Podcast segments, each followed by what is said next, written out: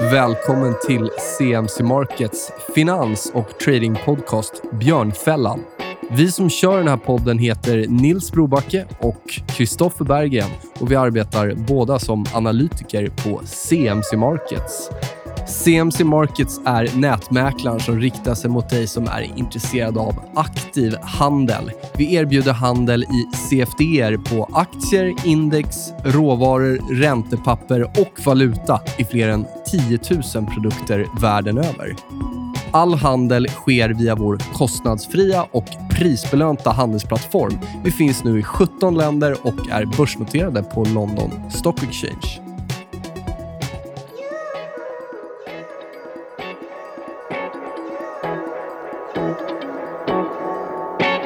Då var det dags för Björnfällan och avsnitt 67. Mm. Kul! Vad ska vi prata om idag? Jag vet att du har förberett lite riskhantering och positionshantering bland annat. Ja, vi ska väl prata om det som vi ofta får frågor om. Just det, lite, Eh, lite frågeavsnitt fast eh, ändå inte. Nej, precis. Ja. Eh, som sagt, riskhantering, positionshantering. Vi kommer komma in på det här med nedgångarna på börsen, det här att man buy and hold är alltid det som gäller och så vidare, enligt vissa, kanske inte enligt oss. då. Eh, och Sen så ska vi prata lite svenska kronan. Har ju varit på tapeten. Stora Ja. rörelser under varit 2018. mycket stark. Mycket stark. Och Sen blir det risk on, risk off. Det blir det. Vad vi kollar på och eh, ja, lite temperaturen. Det är också något som vi ofta får en fråga om. Då. Och Det var tre år sedan ungefär vi startade den här podden. Ja. Kan du tänka dig? Härligt. Ja, men då kör vi igång. Ja. Avsnitt 67.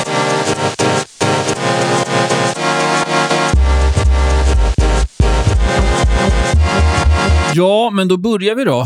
Ska vi prata, börja prata lite riskhantering och sen så komma in på positionshantering. Det hänger ju ihop eh, till stora delar. Men Ja, det låter väl bra. ja, Ja. eh, och det är väl ganska känt förhoppningsvis att en av de viktigaste ja, men parametrarna för att lyckas med mer aktiv handel och även jag skulle säga långsiktiga investeringar är eh, riskhanteringsbiten. Sen kan man göra det på lite olika sätt, men inom trading är det det absolut viktigaste, skulle jag nog vilja påstå. Vi kan ju nämna att det, det är ju inte ett ämne som vi så att säga inte har berört Nej. förut, utan det finns väl av de här 67 poddarna så är det väl 63 som innehåller någon form av prat om Ja. riskhantering. Så att, eh, Men det, anledningen till att vi tar Ja. upp det igen är för att man behöver påminna sig om och, det och frågorna hela tiden. kommer hela Ja. tiden också. Det är lätt att, att läsa hur det ska se ut och det är lätt att liksom, eh, veta teoretiskt vad riskhantering är. Men, men återigen så är det väl det som jag ser, eh, kanske de flesta som inte blir lönsamma, att det är där som Mm. det är där inte funkar. och Så att säga.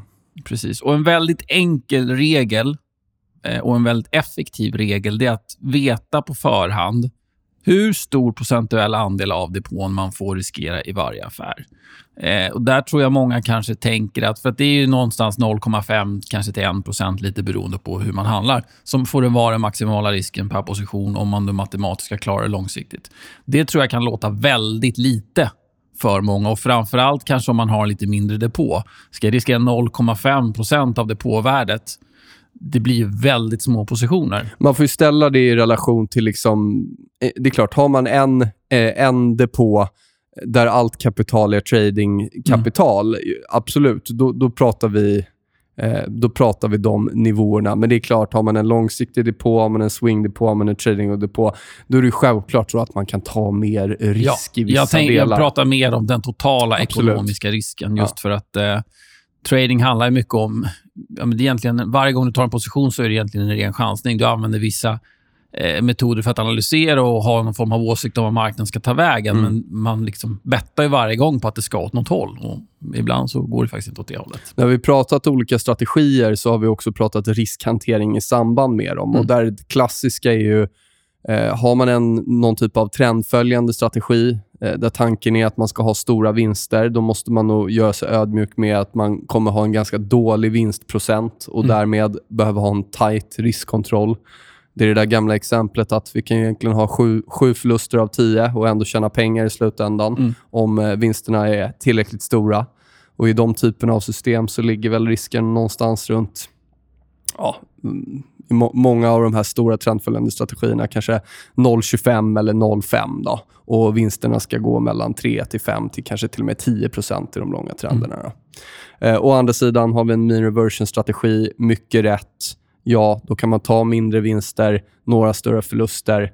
Eh, riskerna med det är ju det här eh, blow-up-risken och att vi kan ha en dålig period eh, som faktiskt äter väldigt mycket av kapitalet. Vi är otroligt beroende av att träffa rätt då. Eh, så att återigen, riskhanteringen måste ju hänga ihop med vilken typ av strategi Mm. man handlar. Och Det kan ju inte vara ett eller tre utfall.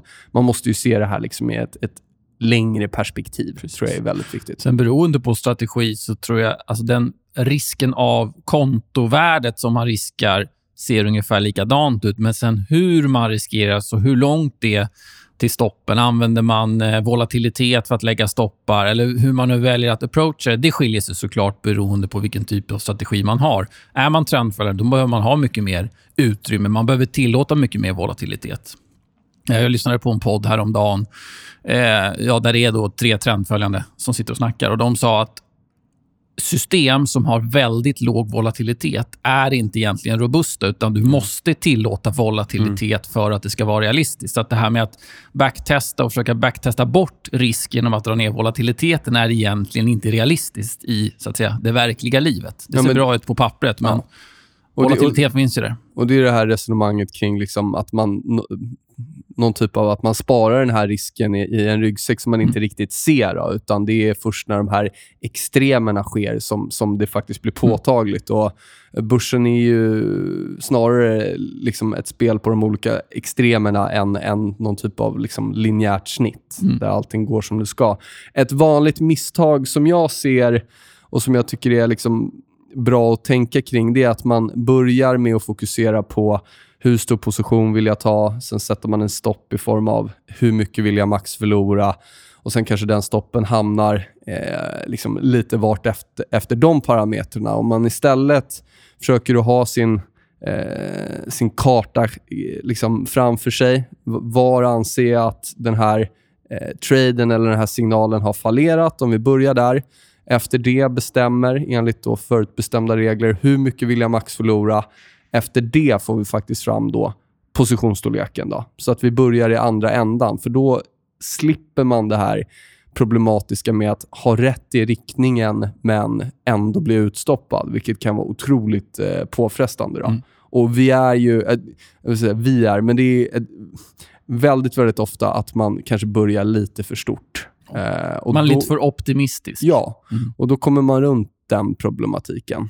Och En annan positiv effekt av det, att ha det fördefinierat, det är att man slipper... Alltså, man vet hur man ska agera. Man slipper den mentala påverkan. Utan liksom, så länge man följer sina regler såklart, så har man det mycket mer systematiskt, strukturerat och då behöver man inte fundera lika mycket. Och Då vet man också exakt hur mycket förlorar jag i kronor eller procentuellt av portföljen om det går åt fel håll. Och Det är ju inte lika viktigt när man är inne i bra momentum. Då känns det som att då kan man ju höfta det där. Det funkar superbra. Men det är ju i de tuffa perioderna. Det är ju som vi har i höstas, det klimatet vi hade i oktober, november och december. Det var där det var otroligt viktigt att vara Mm. stringent. Kanske snarare än, än när vi har en väldigt bra period. Då. Det var som vi hade ju Catella Hedge här för, om det var tre avsnitt sen kanske.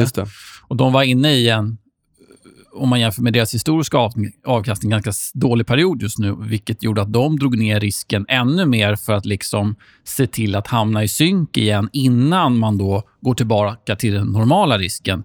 Många kanske gör tvärtom, att ligger man lite i synk så ska man ta igen det man har torskat och så vidare. Så ökar man på risken för att tänka att Nej, men det kommer ju vända och så vidare. Så gör det inte det och så hamnar man ännu mer snett. Och liksom rent matematiskt så behåller man samma risk, samma positionshantering. Är man i en drawdown så ökar den ju faktiskt procentuellt. Ja.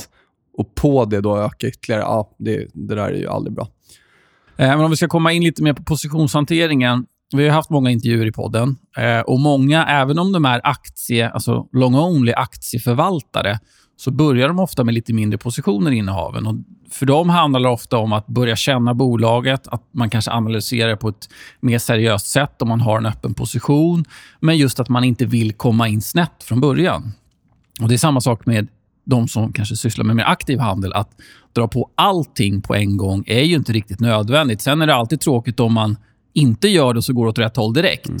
Men att våga vänta in att rörelsen som man tror ska komma faktiskt kommer och sen börja öka på positionen tror jag man har ganska mycket att vinna på. Framförallt när det gäller dels det mentala, men också att fortsätta ha den här kontrollen över risken hela tiden. Och Där tror jag framför allt att det är, det är jäkligt lätt att säga.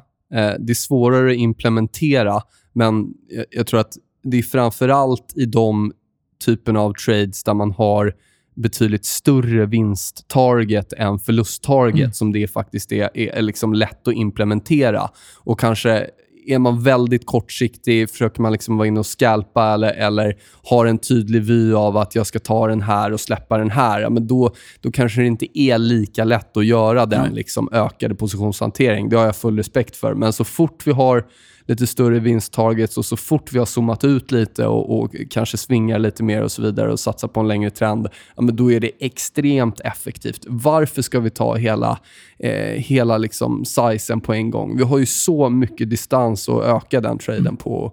Vi kan i princip finansiera vår trade genom att låsa in en mindre vinst då, då på den här lilla positionen och sen successivt bara öka upp den. Så att det är lätt att säga eh, och kanske lättast att implementera i de, i, i de eh, perspektiven som mm. jag nämnde. Jag tror att många, istället för att snitta på uppsidan, så väljer man att snitta på nedsidan. Man kanske till och med tar maximal risk direkt. Och Sen så börjar det gå emot den och sen så av någon anledning så liksom ökar man på risken ändå. Mm. Eh, jag tror att det är vanligare än att våga vänta in rörelsen. Mm. Och sen, Det är klart att har man tagit en väldigt liten storlek, en lady size från början, ja, men då kan man väl snitta in den lite. Absolut. Eh, då finns det utrymmet, ja. men ofta kanske inte det finns. Det är det som blir problemet.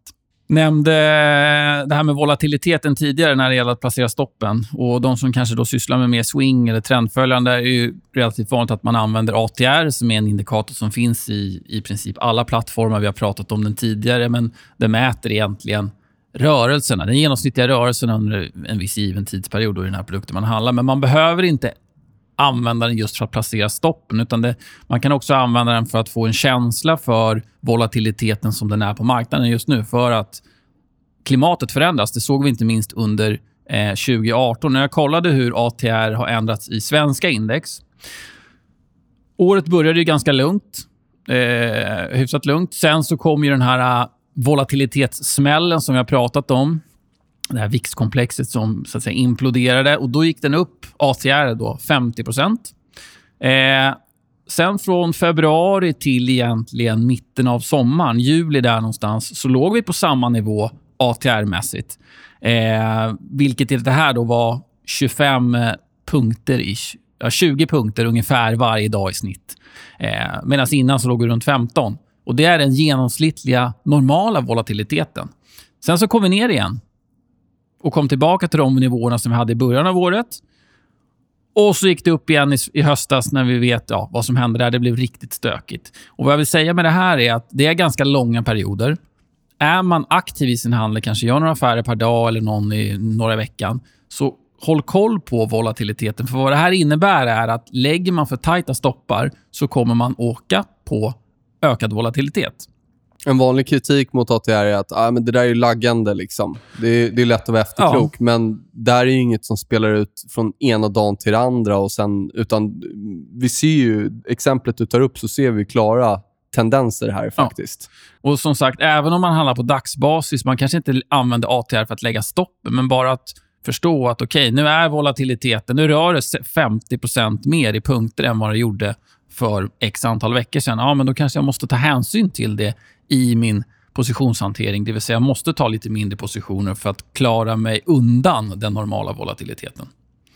Sen en annan eh, grej när det gäller just positionshanteringen är det här med att kanske göra sig av med positioner som inte riktigt går eh, i den riktning som man har tänkt sig. Det behöver inte vara att det att liksom, stoppen löser ut positionen. Det är snarare bra, för då har det gått för mycket åt fel håll. Men positioner som bara rör sig i sidled, framförallt kanske för de som är swing traders eller lite mer, har lite längre tidshorisont, för att vad man ofta inte tänker på att den positionen tar ju plats för någonting annat. Någon annan aktie, eller någon annan tillgång eller något annat som hade kunnat röra sig i rätt riktning. Sen är den alltid balansgång. Okay, hur länge ska jag sitta på det här? För att rörelsen kan ju komma. Och Det kommer förmodligen komma när du eh, gör dig av med positionen. Men att sitta alldeles för länge på ett innehav som inte gör det du trodde att det skulle göra, då har ju egentligen din, ditt strategitänk fallerat. Och Det är nästan som att, ja, men, att liksom man tar förlusten och så går man bara vidare. Ja, alltså jag tror, jag tror att det, det där är, det är ganska svårt för att eh, liksom, en tidstopp, alltså en rörelse, en signal kan gå mycket, mycket fortare än vad man tror och även mycket långsammare. Mm. Det jag tycker blir viktigt där är att ett, är det en hög innehavskostnad för att hålla den här positionen så att det märkbart kostar. Ja, då, då är det, tror jag att det är viktigt att ta hänsyn till det. Och två, som du nämner, kan vi ha något annat där? Det är klart, handlar man till exempel CFD som man gör hos oss, då är ju säkerhetskraven relativt låga och man bör nog inte vara så maxad så att, så att, eh, så att det blir en problematik. Men det är klart att handlar man ett till ett och, och, och har allokerat mycket till den här positionen, då blir det också en faktor. Mm. Eh, sen är det ju så som du säger att det, det är ju extremt irriterande när man har haft rätt i rörelsen och så ofta blir det då att man tröttnar inom situationstecken, stänger det där och sen sticker. Då. Så att jag, jag, för mig, givet att inte innehavskostnaderna är för höga och att du verkligen är i behov av av kapitalet som reserveras för den positionen, då tycker jag nog att så länge de försvarar de nivåerna man har tittat på så, så vill jag ligga kvar i alla fall. Mm. Men det är klart, det beror ju på. Mm. Nej, men där är det viktigt att man inte gör sig av med den bara för att, utan det ska ju finnas någonting annat som då ser bättre ut, kanske tekniskt, som man då sen väljer att allokera i. För att finns inte det, men då kan man lika väl ha kvar positionen för att som sagt rörelsen kanske kommer. Eh, men just det här att att inte gifta sig med någonting när det finns annat som kanske ser lite bättre ut. Och har, ja. Eh, men det är svårt. Det är, inget är lätt, men eh, det, det är lätt att in, liksom, sitta kvar på saker som inte rör sig som man vill.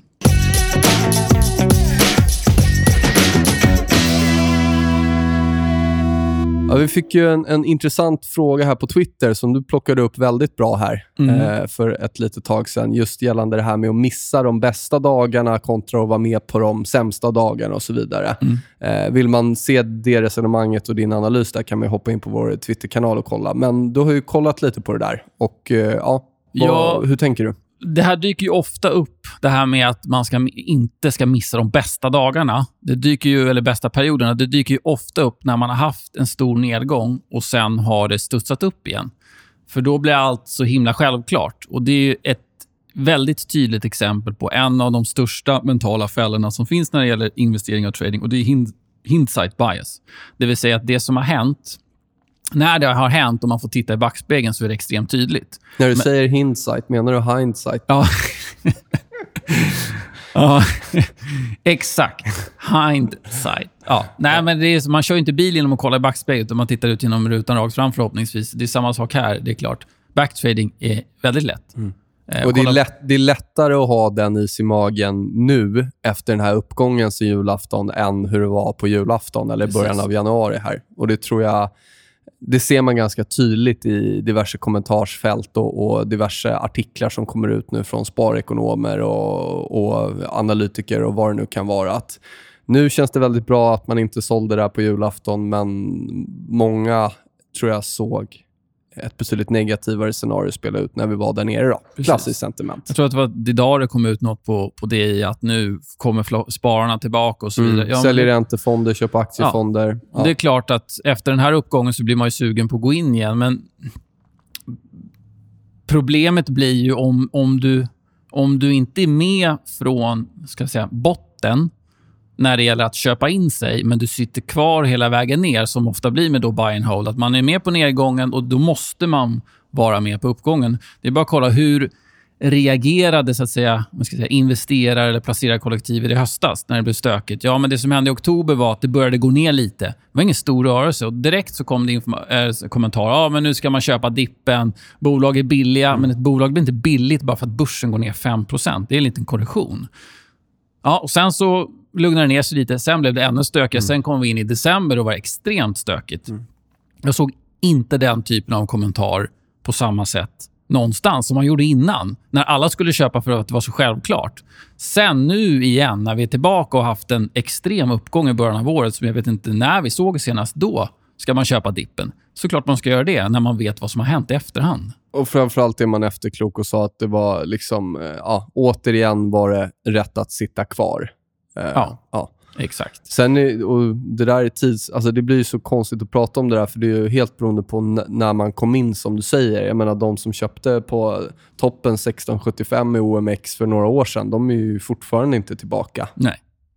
Och det är klart, buy and hold, om du sitter i 30 år, du snittar när det går ner, du snittar när det går upp och så vidare. Det är klart, det kommer vara jättepositivt för dig på lång sikt. Men det är inte riktigt så människan funkar. Det är inte så, så vi funkar. Hur många köpte Swedbank 09? Hur många köpte bankaktier 09? Hur många köpte ö, aktier överhuvudtaget 09? Ja, Det var bankaktier var väl rätt håsat i början. Eh, ja, eller har, har väl varit det senaste halvåret egentligen. Ja, men jag varit menar efter liksom- finanskrisen. Ja, det var ingen som vågade plocka det ens med, med tång. Liksom. Men i efterhand så är det klart man skulle gjort det. Jo, men man gör ju inte det när det väl sker. Men jag tror att eh, investerarkollektivet, om vi ska kategorisera, har ganska mycket att lära av tradingkollektivet när det gäller just synen på risk och synen på att det faktiskt inte riktigt kan gå som man har tänkt sig.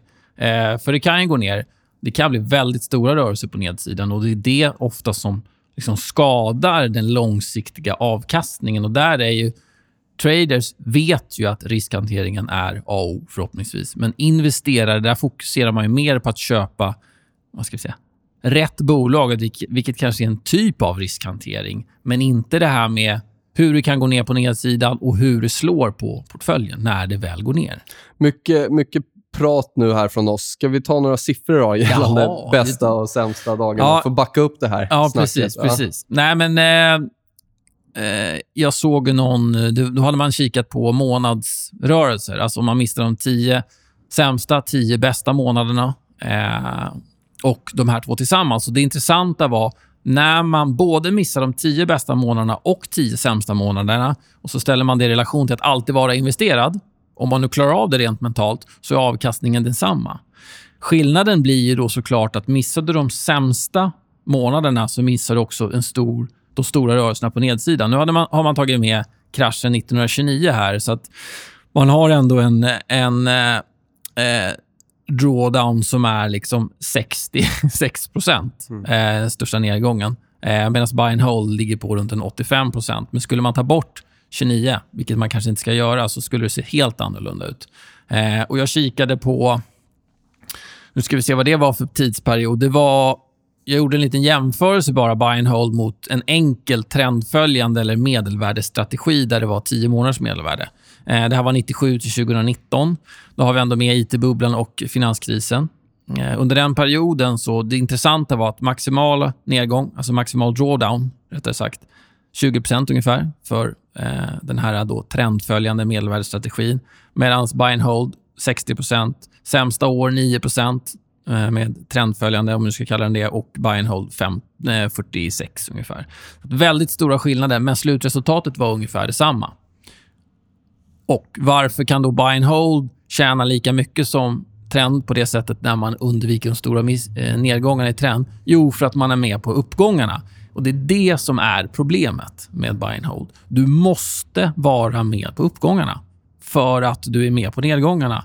Men de flesta investerare går ju inte in när det liksom är blodrött på marknaden för att det gör ont mentalt. Utan man går in, som vi pratade om för en stund sedan, att nu när börsen har gått upp x antal procent, då kommer man in. Men inte när det var ner x antal procent eh, vid årsskiftet. Och Det här är ju någonstans också, även om det har varit kraftiga rörelser, så om vi ska prata liksom, om vi ska dra ut det och se det på lång sikt, Ja, så är det här bara liksom, Det är en liten blipp. Det är en liten blipp i kurvan. Men även fast det är en liten blipp... Som, så- ja, men om det var svårt nu på julafton, hur blir det då om det kraschar på riktigt, om man säger så? Precis. Ja. Eh, Turtles-projektet känner du igen. Det känner många igen.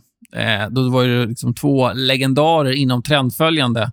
Gjorde ett projekt där man tog x antal personer som man skulle lära då trading och investeringar. Och Man tog ju sina liksom hemligheter och så gav man det till de här personerna. Och man ska också komma ihåg att trendföljande strategier 80-90-talet var väldigt det var bra klimat för det. Men hur många av de här som var med i projektet lyckades fortfarande i slutändan? Det var inte så många. Det var en handfull som har lyckats väldigt bra. Men trots att du får bevisat fantastisk strategi så kan du fortfarande inte hantera strategin i sig. och Det är det som är problemet. Ja, men det där gäller oavsett om, om man eh, manuellt exekverar efter uppsatta regler eller till och med helt automatiserade strategier. Jag menar ju på att det finns, finns ju liksom varken AI-modeller eller eh, liksom automatiserade strategier som inte är beroende av en fysisk person som faktiskt ska ha psykologin att handla modellen, kunna avgöra om vi är i en kortsiktig drawdown eller något som har hänt. Ha psykologin att eh, eh, liksom, ja, handla strategin enligt de parametrarna som han har testat kring. Så att eh, eh, även där blir det viktigt. Och Det visade ju det Turtle-exemplet. Turtle mm. Så att oavsett, jag säger inte att buy and hold är liksom en, en, dålig, om vi ska kalla det strategi. Det handlar bara om att man måste förstå. Det är lätt att titta, som du nämnde förut, så här, ja, men den har, buy and hold har genererat x antal procent varje år sedan 1924. Absolut, men vägen ja. dit ja. är ju inte snittet. Mm. Snittet skapas ju av extremvärde på uppsidan och extremvärde på nedsidan. Och det nedsidan tror jag många missar. Och Jag tror att man ska tänka en extra gång gällande just okay, hur, reagerar när, hur reagerar jag när det går ner som det, som det faktiskt kan göra på marknaden. Och ta det därifrån. Men den bästa strategin är den man kan hålla fast vid. Tänkte bara ska lägga till också det här med just nedgångarna. Eh, de stora nedgångarna på börsen eftersom det är ofta de som, som stökar till det lite för oss. Eh, både resultatmässigt och psykologiskt. Så jag kollade på Eh, det här var data från Riksbanken, tror jag. gick tillbaka till 1950 till och med 2013. De största månatliga nedgångarna... Är det OMX du pratar om? Ja, ja. exakt. Eh, eller ja, All Share Index, okay. tror jag den heter. Eh, den, det breda indexet. Eh, och Det visade sig att topp 15 av de största nedgångarna sker i 14 av fallen när index handlas under 10 månaders medelvärde. Det var det jag hade som liksom parameter, definition av positiv versus negativ trend. Sen säger jag inte att man ska sälja eller köpa när vi passerar det, men bara Fördelen med det här är resultatet att det är en känsla för klimatet man kan förvänta sig om vi handlas i en negativ eller positiv trend. Eh, sen en annan intressant grej var att sen finanskrisvändningen så har vi haft en rörelse som eh, var då eh, mer än 10 på månadsbasis. Sen kan det ju liksom high-low kan, kan skilja sig med det här stängningsbasis. Medan 2009 till, 2000 till 2009 så var det 10 stycken, men där prickade vi in två, två börskrascher. Så att, eh, klimatet sen finanskrisen har varit väldigt förlåtande. Det ska man också ha i åtanke.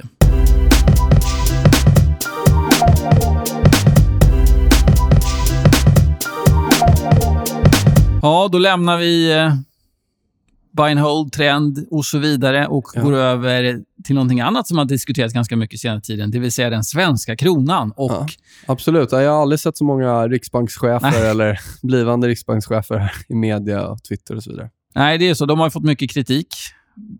Befogat eller ej, jag vet att det är svårt att lägga någon värdering vid det. Eh, jag är ingen eh, ledamot i riksbanksdirektionen, inte du heller. Och hur de väljer att liksom, analysera inflationen som de har som mål. Jag vet inte. Men det intressanta är, vi gillar grafer mm eh, båda två.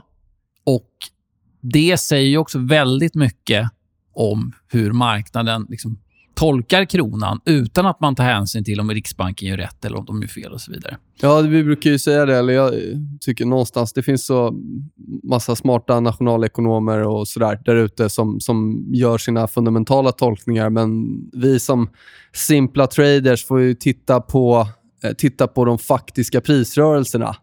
Eh, vi anser ju att informationen återspeglas bäst där. Jo. Ska vi kika på några av eh, de lite vanligare SEK-relaterade valutaparen? Absolut. Vi kan väl börja med USD-SEK. Dollar mot svenska kronan. Eh, det vet ni som har lyssnat på Björnfällan förut, att det var mitt toppick förra året och vi gick från lite drygt 7-9. Nu skrattar de här i studion, för jag har sagt det ungefär 100 gånger. Jag säger det igen. Eh, vi gick från 7-9 till 9-2 under 2018. Nu har vi faktiskt gjort en ny högsta här, 9-3. Precis innan vi gick in här så såg jag att vi handlades under den igen. Och Jag tycker att på samma sätt som att sentimentet var så otroligt eh, positivt i kronan i början av 2018 med 7-9 så har ju sentimentet, och det kan ju inte undgå någon, varit extremt negativt kring kronan under eh, den här sista uppgången. Egentligen mellan 9-2 och 9-3. Tittar vi på en månadsgraf så hade vi två rejäla spikar, alltså kraftiga eh, kronförsvagningar i det här paret alltså kraftig förstärkning, men sen att vi fick rejäl svans på uppsidan både 2009 eh, och 2016. Då. Och nu börjar vi formera samma typ av formation. Eh, ett case som jag drog här senast nu i DITV och jag tror faktiskt att stänger vi under 9-3 på månadsbasis och det har vi här imorgon då, torsdag, stänger vi under 9-3 kombination med det här negativa sentimentet, då är det här för mig en botten i kronan. Och Jag tror att vi kan eh, stärkas ordentligt mot dollarn, även andra valutor, men framförallt mot dollarn. Då. Eh, det är klart, stänger vi över där och liksom fortsätter, det kan, det kan ju gå betydligt längre eh, och bli mer försvagning. Men jag tror faktiskt att 9-3 tekniskt kombinerat med sentimentet just nu är ett yppligt läge att, eh, för kronan att sätta en botten. Då. Så det är det jag tittar på i USD-SEK. Det intressanta, det jag bara skulle vilja lägga till där med är att vi hade topparna Finanskrisen-toppen säger en, en hel del om liksom, risksentimentet i marknaden. Vi hade ordentligt risk-off-sentiment. Eh, vad händer om vi får samma typ av risk-off-sentiment nu? För vi kommer att prata där med, med här, mm. eh, risk-on, risk-off-tillgångar och så vidare. Då kommer vi förmodligen få ganska stora inflöden in i dollarn. Nu säger jag inte att det här kommer ske mm. nästa månad, men om mm. det blir riktigt stökigt på finansmarknaden. Mm. Seken är ju sällan en safe haven-plats, men det är ju dollarn. Jag håller med om det historiskt. Dollarn har varit safe haven, men kollar vi på uppgången nu, kolla på OMX. Mycket det som har drivit uppgången både under våren och som nu senast här sen eh, julafton, botten där, det har ju varit dollarförstärkning. Alltså mm. dollarn är en risk-on-trade och jag har inget fundamentalt bra anledning till varför det är så. Men det är de facto det vi har sett den senaste tiden, senaste åren. Och Jag tror inte att den korrelationen bara bryter. Att när vi nu har kommit upp så pass högt, om nu OMX ska vända ner, då ska kronan för mig börja stärkas. I alla fall enligt graferna, det jag tittar på. Eh, och Skulle det vända om, ja, det skulle ju vara då får man verkligen ta det som liksom en indikation på att den korrelationen har brutits. Men för mig är fortfarande US-dollarn en risk-on-trade som det ser ut nu. Då. Absolut. Men mm. det har ju också historiskt varit en väldigt tydlig risk-off. Historiskt sett, ja. ja. ja. Så det blir ju extremt intressant att kolla om, om, om den håller kvar den eh, ja, kronan på huvudet. Ska vi gå över till eh, euron då? Mm. Eurosek. Även den hade ju ett en bra år för euron mot seken 2018. Tror den gick från 9,8 till 10,6 som höst, eh, högst.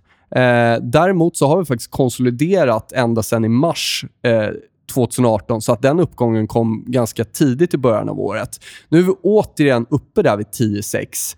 Eh, och Jag tycker att det tekniska och sentimentet liknar USDC, det vill säga att 10,6 är toppen om vi stänger det där under nu på månadsbasis. Jag tittar fortfarande på ett test av 10 kronor om den här nivån försvaras av köpare av kronor, det vill säga säljare i det här valutaparet. Då.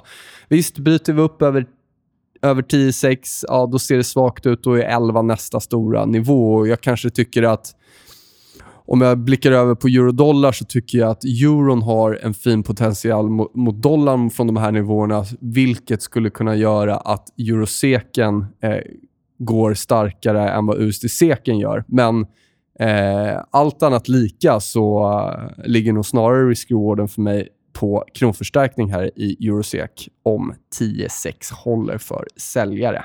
Mm. Ja, 10-6 blir väldigt intressant nivå som du var inne på. Du sa 10-7 på uppsidan, eller? Eh, bryter den över 10-6 så är det nog 11, ja. tror jag. Vi kan ta oss till. Eh, och där har vi, ja, jag kollar 10-7, där har vi kanaltak och så vidare. Men det mm. intressanta här också är...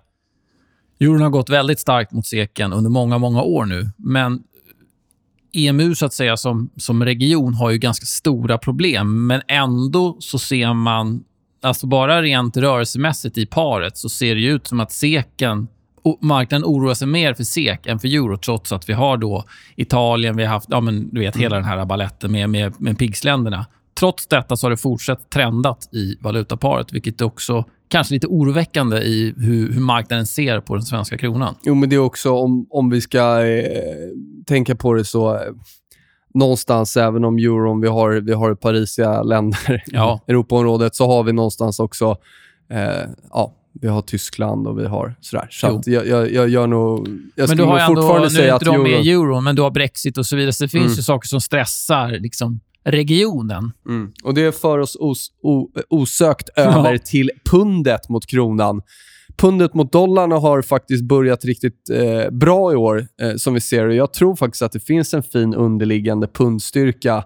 Risk-rewarden var väldigt trevlig där nere vid 1,27. Men om vi tar just pund mot SEK så handlas vi nu vid 12,3 och skulle vi etablera oss över den nivån, då kan vi faktiskt ta oss ända upp till 13 kronor. Då. Eh, och det, där tror jag att det blir viktigt att titta på hur pundet presterar mot, eh, även mot dollar och eh, mot euron. Då. Eh, 12-3 skiljelinje alltså, så halkar vi under där då kan vi se kronförstärkning. Eh, men extremnivå 13 på uppsidan. Sen hade vi kikat lite på NOK-SEK där. Vad hade du? Ja, det intressanta där är att vi har ju haft eh, NOK-försvagning under många, många år sedan egentligen eh, 2010 fram till 20, början 2016. Sen började pendeln svänga och nu har vi jobbat eh, liksom styrk, upp styrka ännu mer i då NOK mot SEK, så att säga. Så att vi börjar närma oss ett intressant tekniskt motstånd som ligger runt 1,1 i paret. Och Vi är inte jättelångt därifrån med tanke på att vi ligger runt en 1,08 5 eh, ungefär. Ja, skulle SEK hitta styrka så har vi en utbrottsnivå att hålla koll på och det är där vi bröt upp eh, ur den negativa, långa negativa trendlinjen som vi gjorde här nu i eh, ja, slutet 2018. Så den kommer jag hålla lite koll på. Men framförallt intressant att se hur köpare kan hantera motståndet runt 1-1 och Mm. klättra vidare. Nej, men jag, jag brukar faktiskt inte kolla så mycket på NOK-SEK, men som du säger, 1-1 verkar ju vara en viktig nivå. Tar vi upp där 1-3 under 1-1 så räknar jag nog snarare med en jämt. Då.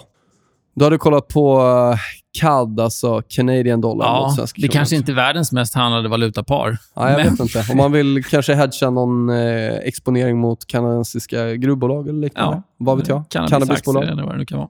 Nej, men eh, anledningen till att jag tar upp det är för att den ser väldigt intressant tekniskt ut. Vi, just nu, eller vi har varit uppe och petat rättare sagt, vid ett motstånd som ligger runt 7,12. Eh, tidigare tillfällen svansat upp och så avförsäljning. Svansat upp, avförsäljning, svansat upp, avförsäljning. Och nu pratar vi månadsgraf och det första testet gjorde vi där, eller första rörelsen kom 2012 och sen var vi uppe 2015, 20, slutet 2016 slutet 2018, eller mitten 2018 och nu är vi där igen. Och så nu får vi se. Är det dags för köpare att klara av det här?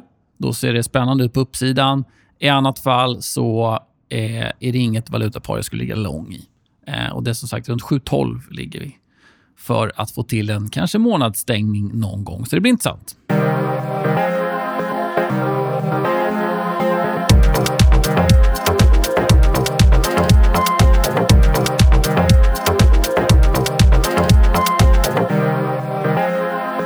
Yes, något som vi ofta drar oss med är ju begreppet risk-on-off. och Det är också någonting som kommer in ofta frågor kring. Eh, och Det kan ju bli lite upprepning här, men jag tycker det, det är ett bra, bra segment att prata om. Och eh, det finns olika parametrar tycker jag som är viktiga att prata om när vi pratar om risk-on-off. Eh, Någonting som utöver att kolla på pristillgångar som jag kommer komma in på snart, så tycker jag att nyhetsflöde och sentiment är viktigt. Det vill säga, hur tolkar marknaden till exempel en positiv nyhet eller en negativ nyhet? Man brukar prata om positivt eller negativt tolkningsföreträde.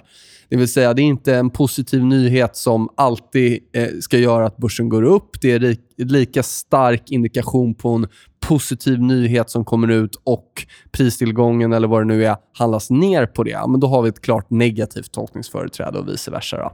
Så att eh, det, det kan jag väl börja med att säga liksom att eh, nyhetsflöde och sentiment är någonting som går att översätta till en generell risk-on, risk-off-temperatur på marknaden.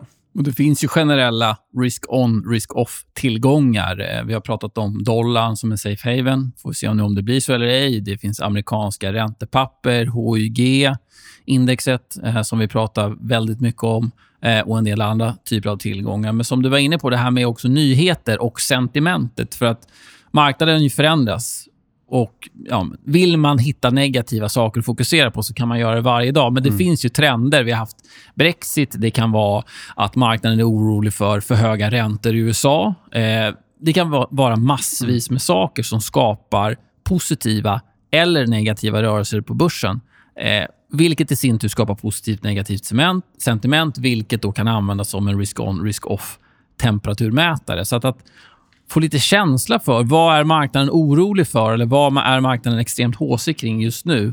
Är, även om vi inte handlar den tillgången så är det ett sätt att liksom, ja, försöka hamna på rätt sida om traden. Mm. Har du kollat tekniskt på några av de här tillgångarna mm. som vi pratade om? Ska vi börja med HIG kanske? Nej, en liten det, favorit. Det, det, är några tillgångar här som jag liksom, eh, egentligen somnar och vaknar med. Och det är Första skulle jag säga är USAs tioåring. Eh, inget som man kanske liksom handlar på... Eh, eller ja, Att man sitter och handlar det på kort sikt, men jag tycker det är en fantastisk temperaturmätare på risk-on, risk-off. Tar vi den som exempel nu så såg vi att räntan satte en topp precis som att börsen satte en topp i september oktober. Och där ser vi nu en klar diskrepans. Eh, jag har blivit förvånad att vi har gått så starkt som vi har gjort efter julen. Jag trodde nog att vi skulle bromsa upp tidigare på index. För, och En av anledningarna till det är att räntan har fortsatt att ticka ner. Och Det har historiskt sett inte varit en stark indikation på börsen. Vi har det exemplet om man tittar på en, en graf i USAs tioåring och där har, jag, där har vi vänt på det då, så att det blir eh, en botten då som satt i det indexet eh, här i september och oktober. Eh, den är egentligen konsoliderat och sen börjat trickla upp, det vill säga räntan ner. och Det såg exakt likadant ut 99, det såg exakt likadant ut 2007 och man kan måla en fet månadstrendlinje från de här nivåerna. Då. Så att det har förvånat mig att räntan nu fortsätter att ticka ner och ser ut att kunna bryta ner ytterligare. Då. Eh, även om index har fortsatt att gå upp. Så det, det, är någonting, och där ser vi också ett exempel på en risk-on-off-tillgång som det kanske inte liksom direkt ett till ett korrelerar, men för att få den här... Det, det är en av beståndsdelarna för att, att ha någon typ av makrovy eller vad man tror att saker och ting är på väg. Men den är ju intressant också just för att där har vi haft eh, vad ska vi säga, risk-on, risk-off kring liksom nyhetsflödet och vad en högre ränta faktiskt innebär. För där var det tidigare orolig för att Fed skulle höja alldeles, räntan alldeles för mycket och det blev stök när räntan gick upp för mycket. Vi har pratat om det här med företagsobligationer. Kommer de kunna betala för sig? Kommer staten betala för sig? Och så vidare. Sen går Fed ut och lugnar ner marknaden. Räntan kommer ner och då får man liksom ett lättnadsrally. Mm. Så att under perioder så kan det bli skevhet Absolut. beroende på liksom vad marknaden oroar sig för. Så är det ju. HYG som du nämnde, det andra. Intressant index. Vi har pratat om det jättemycket här. Eh, vi har haft gäster som har pratat om det och det är någonting som jag också tycker är viktigt att titta på. Inte kanske för att handla, men ännu, en ytterligare en parameter. Då. Och September-oktober-toppen vid 86. Viktig nivå som priset konsoliderade kring. När vi började sälja av index säljer vi samtidigt av i HIG. HIG. Det går extremt snabbt och vi bottnade ur vid lite drygt 80 eh, i slutet av december. Ja. Sen dess har det verkligen varit ett rally, precis som på börsen. Så den här har funkat nästan ett till ett med hur börsen har handlats. Och nu har vi faktiskt tagit oss nästan hela vägen upp till 86. Men vi testar den nu på vad jag menar är säljares sida. Så att för att jag ska bli riktigt positiv till den här börsen, då skulle jag vilja ha en etablering ovan 86. Jag skulle vilja se att räntan i tioåringen börjar ticka upp igen. Men HIG har ännu inte brutit över 86 och eh, en första testet här försvarades av säljare. Så att, intressant att hålla koll på. HIG. Och eh, varför, bara förklara, det är, det är ju ett high yield corporate bond index, mm. alltså ett företagsobligationsindex. Så att det är en klassisk sån parameter, att man ska få lite mer betalt då, då eh, än, än vad man till exempel ska få på långräntan. Och därmed också så bör den indikera hur riskvilligheten i marknaden är. Då. Men där tror jag dock, i det, det indexet kontra eh, tioåringen. Mm. Får vi för bra rörelse i tioåringen så kommer det bli oro i HIG med tanke på den typen av bolag som, som finns där. Mm. Eh, men klassiskt eh, risk-on, risk-off sentimentindex som du pratar om. Ett annat som är, många gillar att prata om det är guldet. och Där har vi också sett lite intressanta diskrepanser. Eh, satte botten redan i augusti-september. Om ni kommer ihåg så var det ju jättebullat guld i, i våren 2018 vid 1350.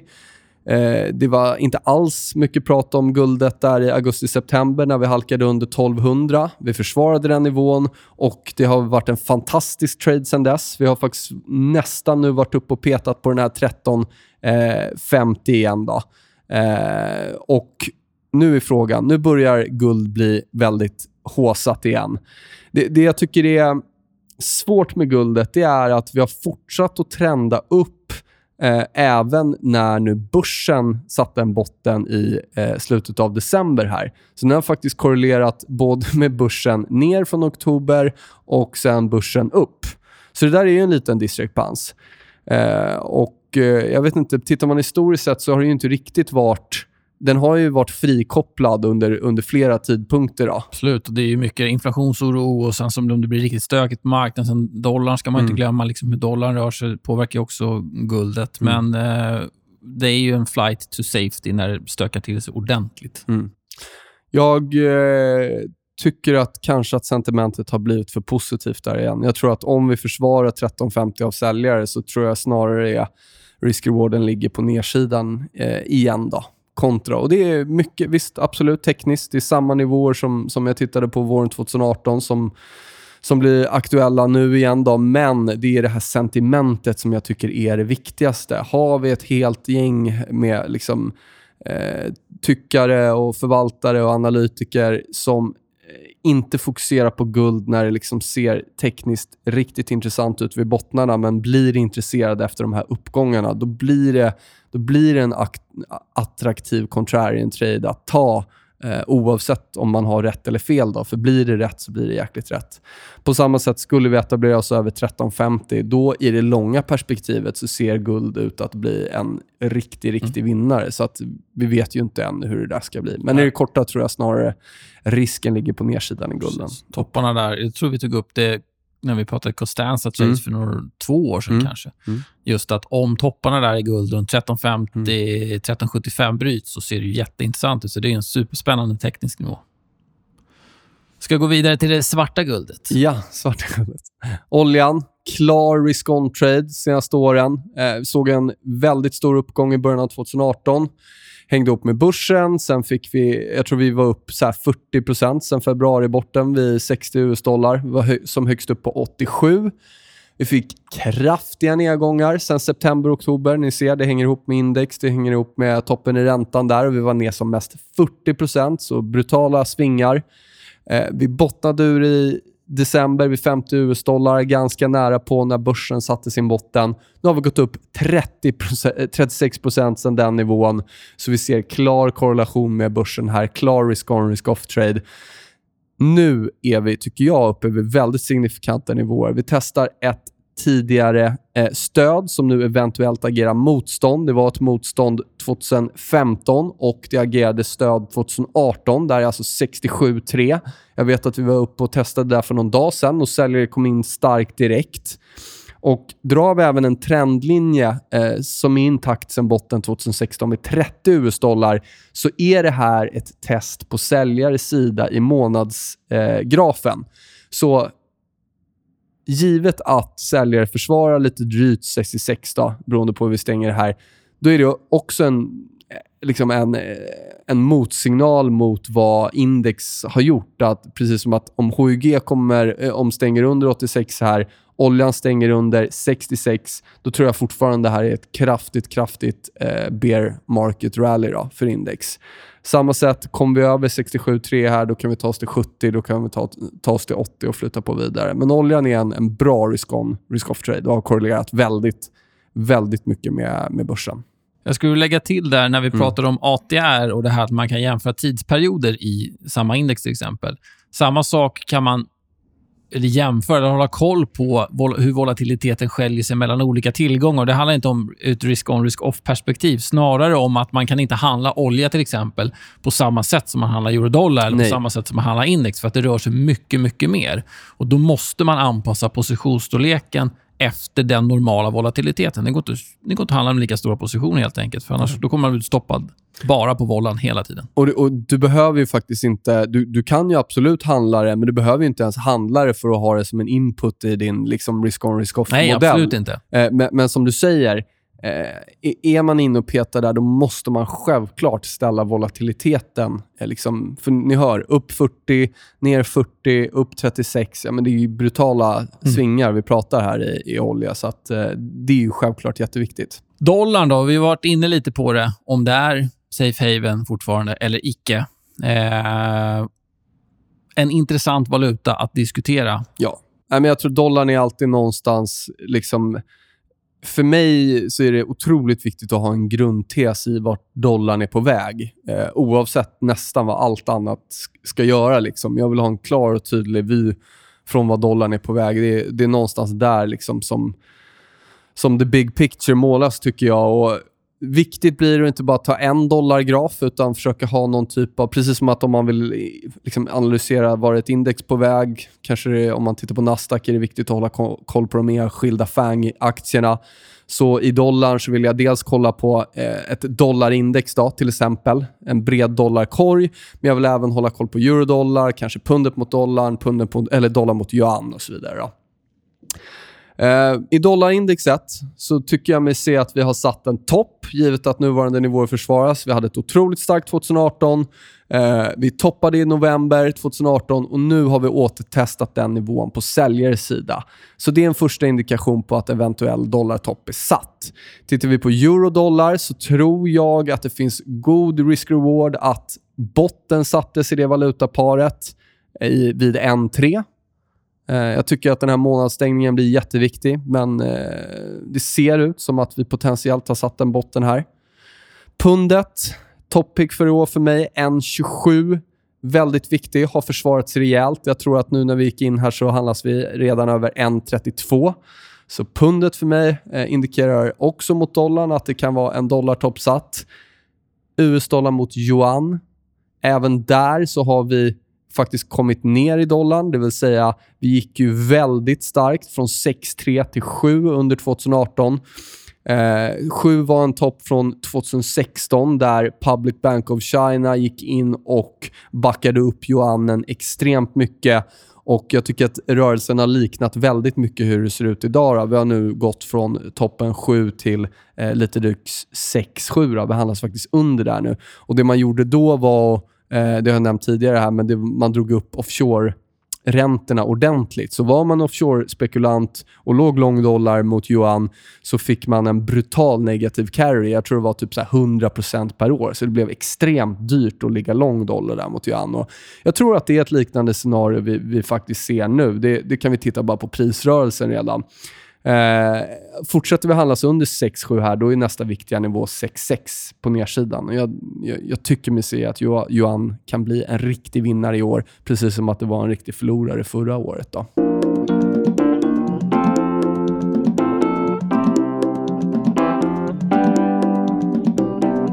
Ja, det var en uh, göttig blandning av olika saker vi tog upp i det här avsnittet. Ja, visst.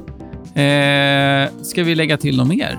Ja, men som alltid, missa inte Trade CMC, vår nyhetskanal. Eh, där vi, vi eh, blandar eget content med, med eh, ja, massa externa nyheter och krönikörer och så vidare. Missa inte det. Följ oss gärna på vår Twitterkanal. Mm. Där vi egentligen mycket av nivåer och grafer och sånt vi pratar om nu här, det kommer ju igen och, eh, och om man vill ha liksom lite kortsiktigare uppdateringar så går det att finna på vår Twitterkanal men även på vår YouTube-kanal där jo. vi i princip varje vecka kör ett marknadssvep, alltså en, ja, en YouTube-analys egentligen på många av de här risk-on, risk-off-tillgångarna vi pratar om faktiskt. Så det kan väl vara slå ett slag för den också. Ja, det är bara att söka på CMC Markets Sverige på YouTube så dyker man in där. Mm. Nej, men i övrigt önskar jag er lycka till med handeln. Kom ihåg att det handlar inte bara om att vara med på de bästa dagarna. Det handlar om också att undvika de sämsta. Och fortsätt komma in med frågor. Det är kul. Mm. Även om vi inte tar dem direkt så i de här uppsamlingsavsnitten så, så är det tydligt om vad som ni lyssnare vill att vi ska prata om. Så det är roligt. Fortsätt att komma in med, med frågor. Det tackar vi för. Säger så. Ha det gott. Ha det. Hej.